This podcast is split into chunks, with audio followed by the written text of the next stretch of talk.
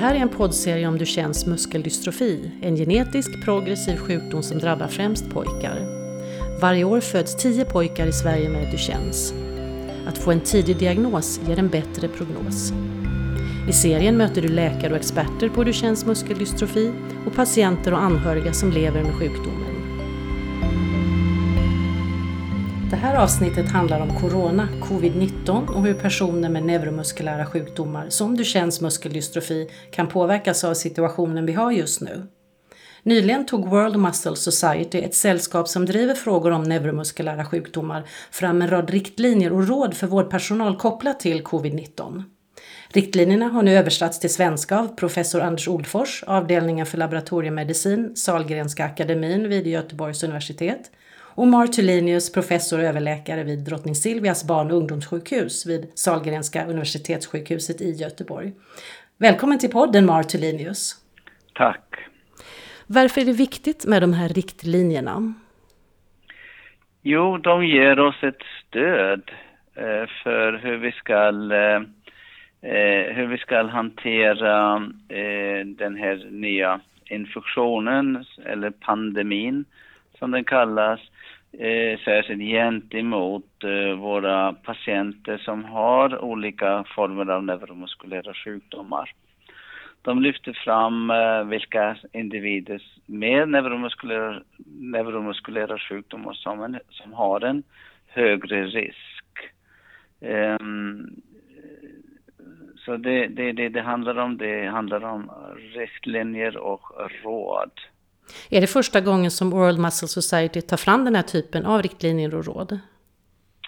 Ja, de, eh, det är första gången som de har arbetat på det här sättet. Eh, det är förstås eh, pandemin gör att det är ingenting normalt så att det är därför man har gjort lite gjort på lite olika, på nytt sätt. Eh, så det hette var egentligen en formell grupp inom World Muscle Society som tog fram de här riktlinjerna och sökte stöd från, eh, från eh, individer från många, många olika länder.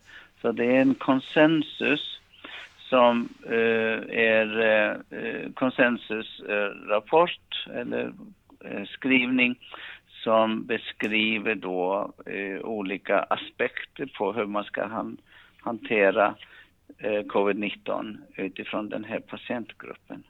Vilka riktar sig riktlinjerna främst till?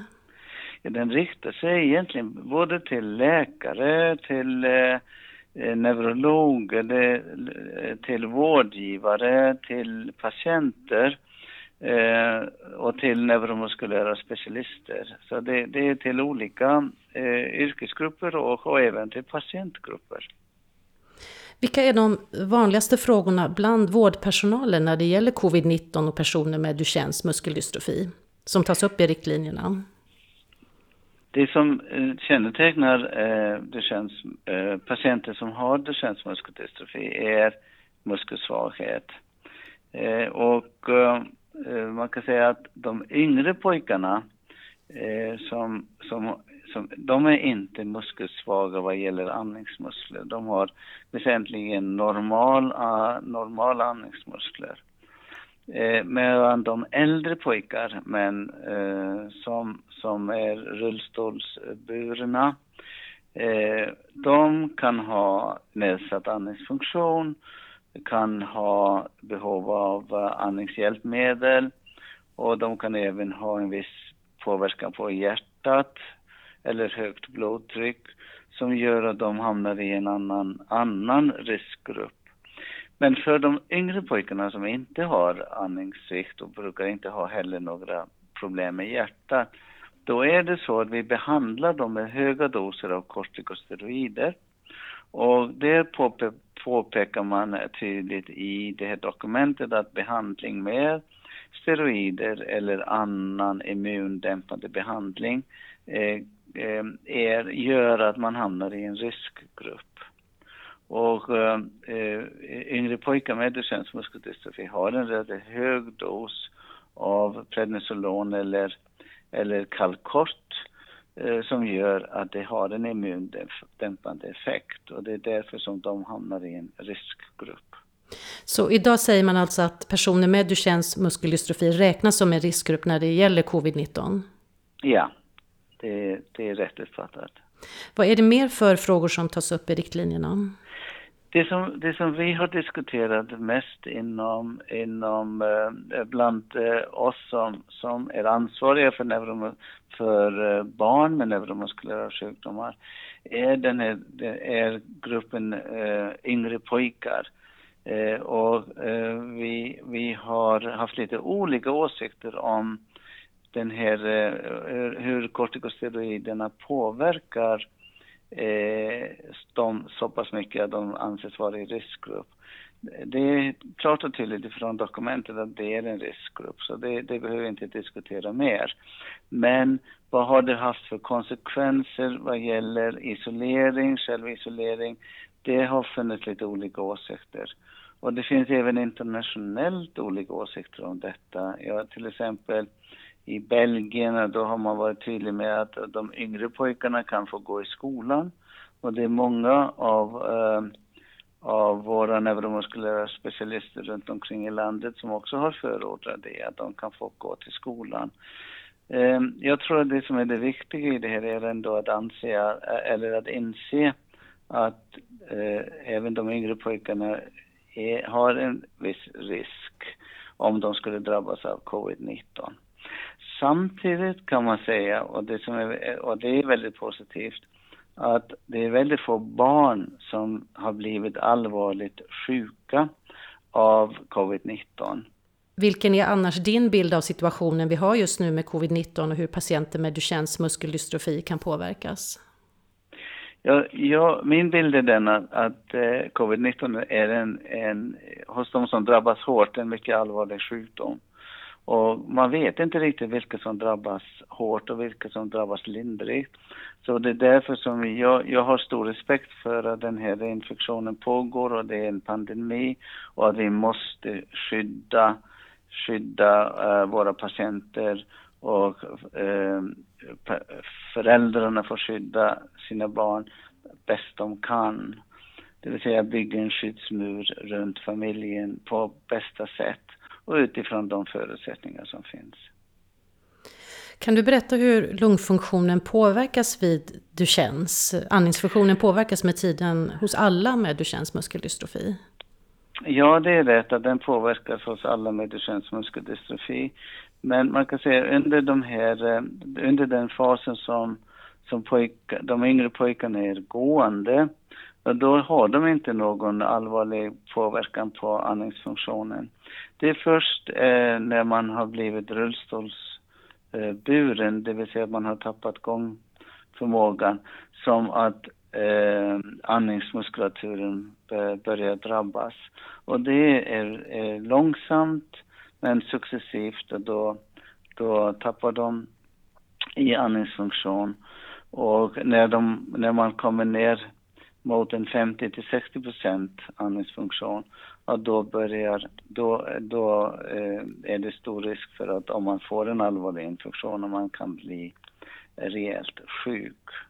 Det är ungefär där man börjar överväga att sätta in nattliga andning, eh, andningshjälpmedel, till exempel nattlig användning av BiPAP. Om vi pratar om covid-19 och coronaviruset som angriper lungorna, vad kan det få för konsekvenser för en patient med nedsatt lungfunktion att drabbas av covid-19? Då är man, är man förstås svagare i andningsmusklerna och då, har man, eh, då är det svårare att värja sig mot, infek mot infektionen. Finns det några andra konsekvenser som covid-19 kan få för personer med Duchennes i och med restriktionerna vi har idag? Ja, det, det är förstås eh, så att då, då, kan man inte riktigt kanske gå på alla sina kontroller. Och eh, det, det diskuteras till exempel det här med besök till, eh, till sjukgymnast etc. etc. och, och det, då är det en viss risk om man inte kan få de, de behandlingar man behöver, då att, att det kan påverka sjukdomen Eh, på ett negativt sätt. Sen är det en annan sak att, att vid Duchennes muskeldystrofi använder vi kortikosteroider. Och i det här dokumentet tas det väldigt tydligt upp att man får aldrig avsluta steroidbehandling plötsligt. Så att eh, om man står på sina kortikosteroider då ska man stå på det. Det som också diskuteras runt omkring kortikosteroider är att, att de kan i sin tur ha en gynnsam effekt på utveckling av infektion. Att, de dämp, att, att kortikosteroider i sin tur dämpar den inflammatoriska Eh, reaktionen som covid-19 orsakar. Men det här är fortfarande spekulationer och det är inget, inget eh, vi har inte något vetenskapligt belägg för det ännu. Vad är riskerna om behandlingen avslutas? Man får aldrig avsluta högdos kortikosteroidbehandling eh, plötsligt. Det, det måste då ta, ta, trappas ner väldigt långsamt och det måste följas och göras i samråd med eh, läkare eller, eller sjukvården. Vilket eller vilka budskap tycker du är viktigast i de här riktlinjerna och råden? Jag tycker att det här är, vad gäller Duchennes uh, muskeldystrofi, då är det det här med att det är en, att man, att om man har Duchennes muskeldystrofi, i den yngre, yngre patienten då hamnar i riskgrupp på grund av högdos, långvarig högdos eh, användande av kortikosteroider. Eh, och de äldre pojkar, män då eh, hamnar i riskgrupp både på grund av nedsatt andningsfunktion men även på grund av att de kan ha en hjärtpåverkan eh, som är ytterligare en, en riskfaktor. Desto längre man kommer i sjukdomen, desto fler faktorer kan bidra till att om man får covid-19 infektion, då kan man bli mycket allvarligt sjuk. Så då är det flera riskfaktorer som som eh, de äldre männen har. Det vill säga både andningen, skolios, hjärtpåverkan eh, och kortikosteroidanvändande. Det finns ytterligare en sak som man kan eh, ta med sig från det här dokumentet som skrevs. Att eh, inom sjukvården då kan man blanda ihop termerna obotlig och ej behandlingsbar.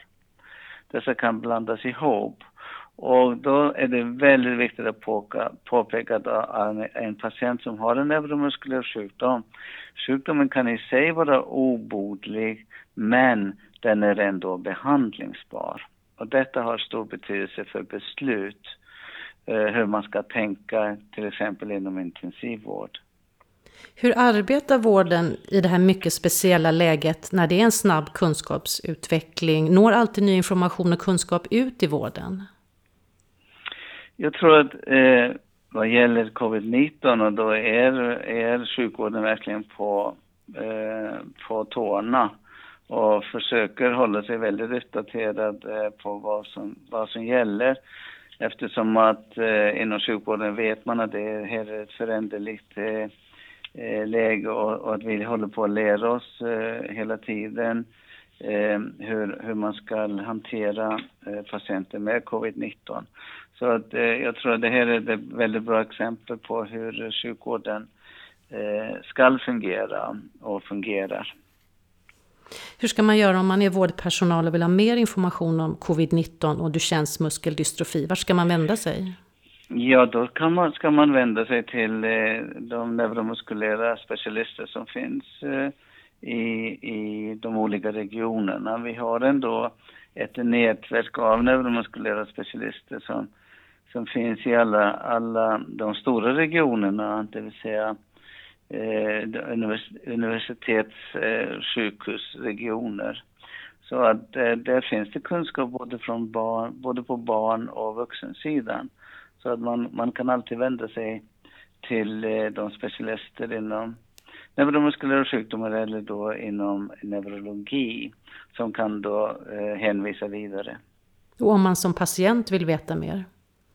Ja, då får man i första hand ta kontakt med sin läkare som sen i sin tur kan, eh, kan ta kontakt vidare inom systemet.